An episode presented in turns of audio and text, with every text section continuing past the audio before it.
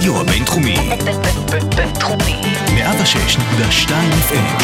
הרדיו הבינתחומי. הרדיו החינוכי של המרכז הבינתחומי. לקום ישראל. 106.2 FM. החמוצים. פרופסור בועז בן דוד ופרופסור גלעד הירשברגר. במבט פסיכולוגי על בחירות 2019. אז שלום לכולם, אנחנו החמוצים, פרופסור בועז בן דוד, פסיכולוג קוגניטיבי, ופרופס... ופרופסור גלעד הירשברגר, פסיכולוג חברתי פוליטי וסגן דיקן בית הספר לפסיכולוגיה, שנינו במרכז הבינתחומי הרצליה. אנחנו ב-24, 24 היום? מה אתה איך היום? ככה אומרים. 24 לפברואר בבוקר, ספיישל מיוחד על הרשימות לכנסת, הרשימות נסגרו, וכמו בסרט מתח עד הדקה ה-90 עוד לא היה ברור מי ירוץ עם מי, מי ירוץ נגד מי. ומי נגד מי. אנחנו מתחילים כמובן, החלק הראשון שלנו נדבר על המפץ הגדול במרכז-שמאל, או כמו שביבי ירצה לקרוא לזה, בשמאל החלש.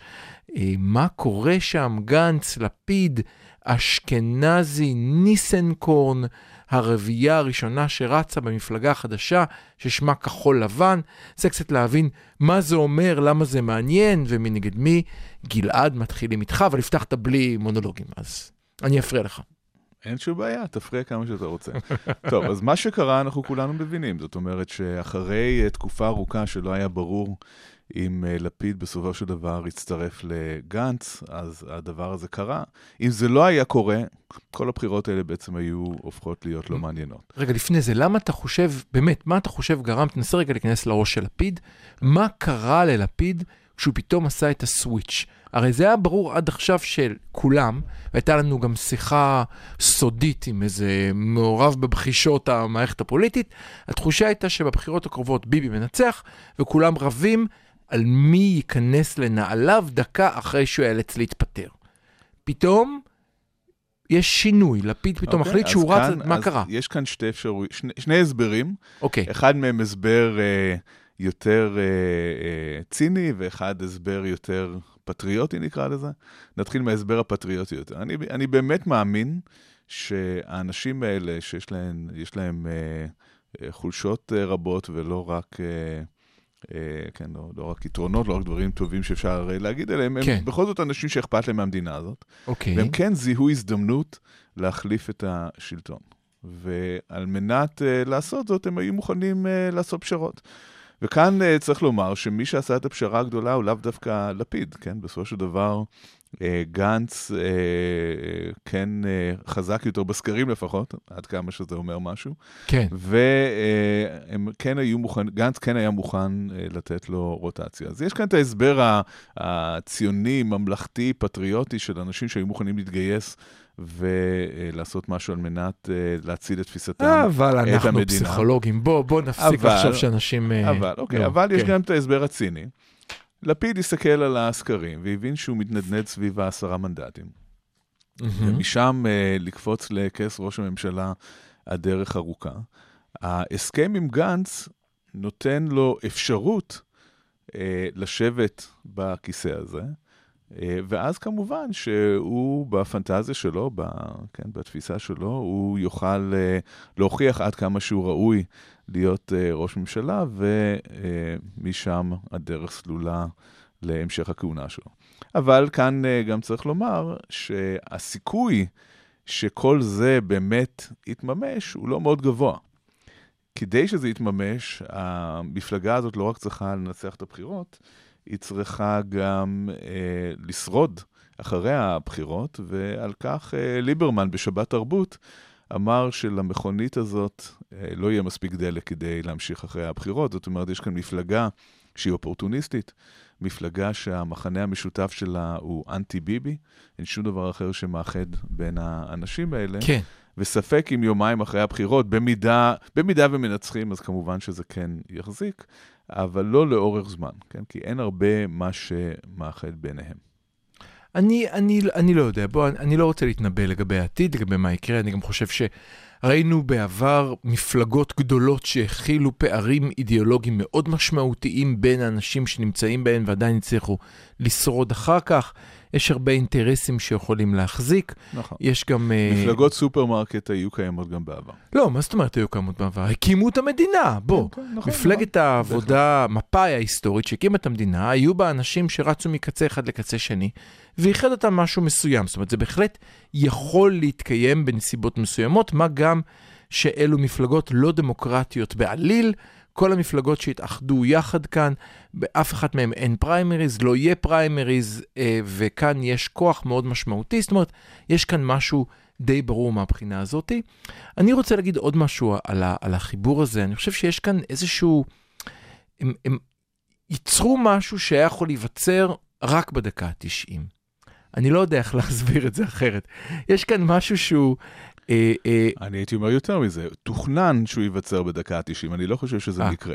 אני- חושב שהם פשוט ניצלו את הרגע, הם ידעו שזה הרגע הנכון לעשות את זה, בשביל האפקט הדרמטי, וחיכו לדקה ה-90, ובצדק, כן? הם היו צריכים באמת לעשות את זה ברגע הזה. אה, אני חושב שדווקא לגנץ היה עדיף לעשות את זה קודם, היה יכול לסגור במחיר טוב יותר, שלפיד עשה בשכל שחיכה עד הסוף, הוא העלה את המחיר. שוב, השאלה הפרסונלית כאן היא פחות חשובה. אני חושב שמבחינת האימפקט של המפלגה הזאת, האימפקט, מבחינת אה, לתפוס. לתפוס. כותרת, ול... יש להם עכשיו אתגר מאוד גדול. יש להם עכשיו מעל 40 יום כן, להחזיק את המומנטום. כן. וזה לא יהיה פשוט. כן. להחזיק 40 יום ולהתמודד מול התקפות, אבל אני, אני, שוב, אולי אני תמים, אבל אני חושב שיש משהו בדקה ה-90 שעוזר לאנשים לקבל החלטה. שמעבר לתכנון האסטרטגי לעשות את זה בזמן הזה, אני חושב שיש משהו כשאומרים לך, תקשיב, ואנחנו רואים את זה בשיווק, ואנחנו מכירים את האפקטים האלה גם ממחקר. בשיווק, נכון, שאומרים לך, יש לך עוד 24 שעות לקבל החלטה, עוד שעתיים, עוד שעה, עכשיו, או שתקנה או לא תקנה, אתה נוטה אתה, יותר למה לקנות. אתה נותן כל כך הרבה קרדיט לשיווק כשהתיאוריות האלה הן תיאוריות פסיכולוגיות קלאסיות? כן, בשביל אה, מה יש לנו פה reactance- פסיכולוג חברתי? בבקשה. Reactance Theory של אה, אה, ברם, שמדבר על זה שככל שהאפשרויות, ככל שהזמן לקבל החלטה מצטמצם והאפשרויות אה, מצטמצמות, ככה האלטרנטיביות נהיות אטרקטיביות יותר, וכששני המנהיגים האלה עמדו מול ההחלטה האם לרוץ לבד או לרוץ ביחד, אז ה- ההליכה ביחד נראתה אטרקטיבית יותר. איך תתרגם ריאקטנס לעברית? איך נגיד את זה? אה, לא, לא יודע. אין לנו מושג מה לעשות. אנחנו נצטרך לשאול את האקדמיה. אנחנו נעבור לאקדמיה. אבל אם, כבר מדברים על פסיכולוגיה, מוכרח- מוכרחים גם אה, אה, לדבר על עוד משהו מאוד מעניין ששנינו שמנו לב אליו פחות או יותר באותו זמן. אם מסתכלים על הבאנר של המפלגה הזאת, על הכרזה של, מפלגת כחול לבן החדשה, לא נעלם מעינינו אפקט מאוד אה, יפה שנקרא אפקט סטרופ. כן? מה זה אפקט סטרופ? אז תודה בוא, רבה. אז כן, זה, זה התחום שלך. אני- כן, אפקט סטרופ הוא אפקט פסיכולוגי. 1935, ג'ון רידלי סטרופ אה, עשה דבר אחד בכל חייו אה, מאז עד היום. מדברים עליו, הרעיון הוא, בטח ראיתם את זה, זה רץ הרבה בפייסבוק, עם כתובה המילה אדום בצבע ירוק, ועליך להגיד ירוק ולהתעלם מהעובדה שכתובה המילה אדום, זה קשה לך, יותר קל. להגיד שצבע הגופן של המילה אדום כשהוא כתוב בו אדום הוא אדום, מאשר שהוא כתוב בירוק. הם בחרו שהכחול יהיה כתוב בלבן והלבן יהיה כתוב בכחול. יש לזה אפקט פסיכולוגי בעולם שלנו, אנחנו רואים שקשה יותר להגיב לזה, זה מושך תשומת לב. האם המעצבים חשבו על האפקט הזה ולמדו היטב בשיעור אולי שלי? הם רצו שנקרא את זה יותר לאט. יכול להיות שהם רצו שנקרא יותר לאט, שנתייחס. יכול להיות שהם גם רצו להתמודד עם העובדה שכחול לבן בכחול ולבן כבר נמצא הרבה, ואולי הם הקשיבו בשיעור שלי, אולי זה תלמידים שלי כנראה. בעבר, זה מרגש אם כן. לפעמים אה, מה שלא לשמה בא לשמה. בואו נדבר רק על דבר אחד על האיחוד הזה לפני שנעבור לפרק הבא. אה, אתה רוצה להגיד משהו? לך על זה. אם, אם אפשר, יש נושא אחד שמאוד מטריד אותי לגבי האיחוד הזה, ובכלל מה שקורה בפוליטיקה אני הישראלית. איתך? אחד הדברים שאנחנו רואים, זה שמקומם של אה, נשים הולך ונעלם בשורות הראשונות של המפלגות הגדולות לכנסת. על זה אני רוצה לדבר כשנגיע. כשנגיע אה, לכמה דקות שיש לדבר על השמאל, דווקא זה מעניין.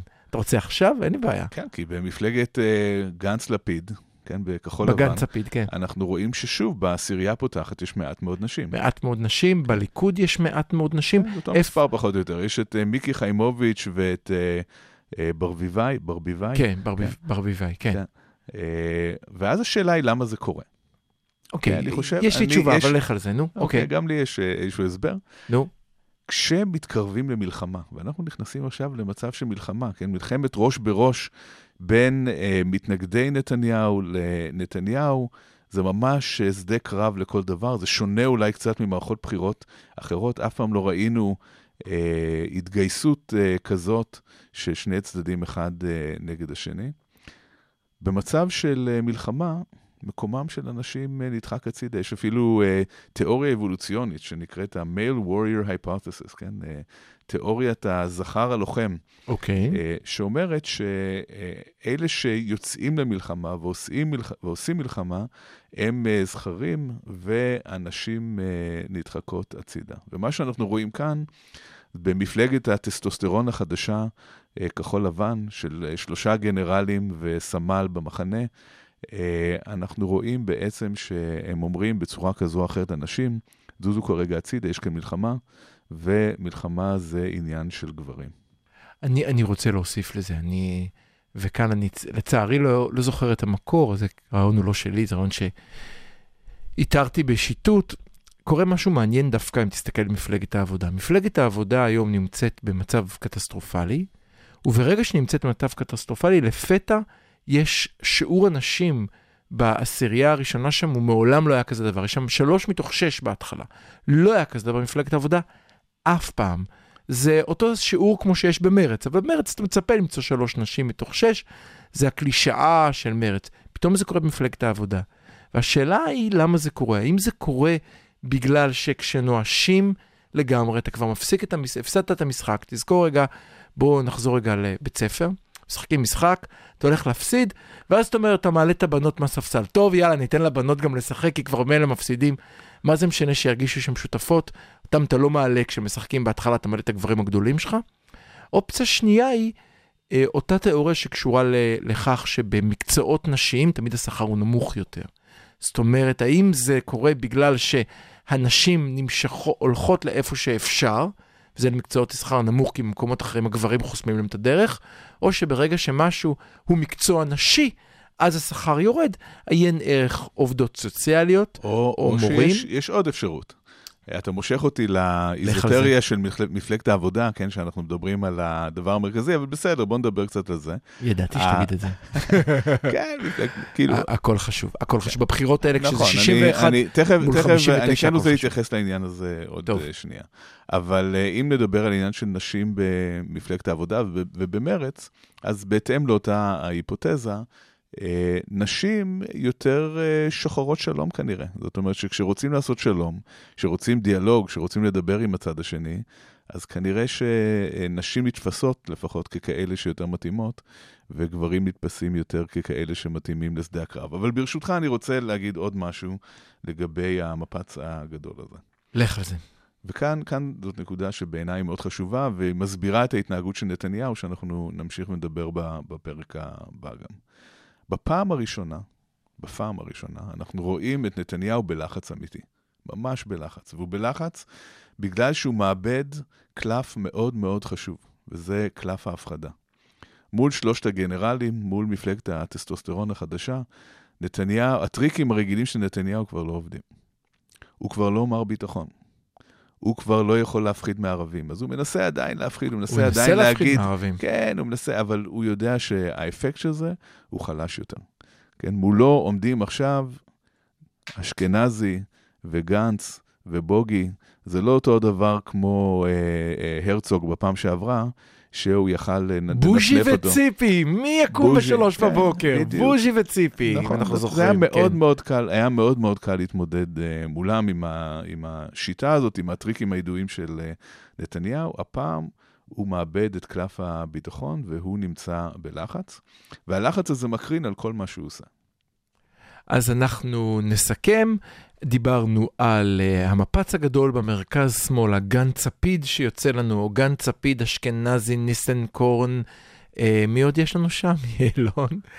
דיברנו על כמה דברים, ניסינו להבין מדוע זה קורה דווקא עכשיו. הכנסנו שתי תיאוריות פסיכולוגיה, אחת היא הריאקטנס, ואנחנו מבטיחים לכם תרגום לפרק הבא, שאומר על כך שככל שהזמן הולך ואוזל, אז האופציות נהיות יותר אטרקטיביות, ואכן בדקה ה-90 השניים הסכימו להתאחד. ניסינו להבין למה דווקא לפיד וגנץ הסכימו עכשיו לשקלות שינוי ממה שהיה קודם. דיברנו על איך המפץ הזה, באמת לא הצלחנו כמעט לדבר על איך המפץ הזה יקרוץ וישפיע על מצביעים ועל כך בהמשך, ואנחנו רוצים לחשוב גם על מה קורה עם הנשים ברשימות האלה, מדוע הנשים נעלמות מהרשימה של גנץ לפיד, אומר פרופסור גלעד הירשברגר, אנחנו במלחמה, והתפיסה היא שמלחמה הנשים הולכות אחורה, לעומת זאת דווקא במרץ ובמפלגת העבודה, מפלגות השמאל או המרכז ושמאל, תלוי איך אתם רוצים לומר, אנחנו רואים לפתע שנשים מגיעות, הן מגיעות כי עכשיו כבר המשחק אבוד ואז מותר לקרוא לנשים, או שמא הן מגיעות כי יש משהו ב-DNA של מפלגות שקוראות לשלום והידברות, שמתאים יותר דווקא לנשים ולא לגברים. בהסבר מאוד פשוט, מפלגות ליברליות יותר. רוצות יותר נשים. אני, מפלגות אני... שמרניות יותר, ו- ומפלגת כחול לבן היא לא מפלגה ליברלית, כן? היא מפלגה שהיא uh, שמרנית למדי. אני, אני לא בטוח שאתה צודק, מאחר ומפלגת העבודה לא היא היום יותר שמאלנית משהייתה פעם. אני חושב שהנטייה כאן לנשים היא לגמרי בגלל שהמשחק הולכים, לה, המשחק כאילו... הפסדנו את המשחק, ואז יש מקום גם לנשים לרוץ. אני חושב שמפלגת העבודה היום הייתה במקום הרבה יותר טוב. היית רואה שורת גנרלים שמתדפקת על דלתה של מפלגת העבודה. הם לא מתדפקים על דלתה כי מצב קשה, ו... ואז הנשים יכולות לנצח, כי אין גברים שיעמדו בדרך אם היו שורת דרכם. גנרלים, מפלגת העבודה הייתה במקום אחר. אז שוב אנחנו עם הביצה ותרנגולת, וסיימנו את הפרק הראשון. החמוצים, פרופסור בועז בן דוד ופרופסור גלעד הירשברגר. במבט פסיכולוגי על בחירות 2019.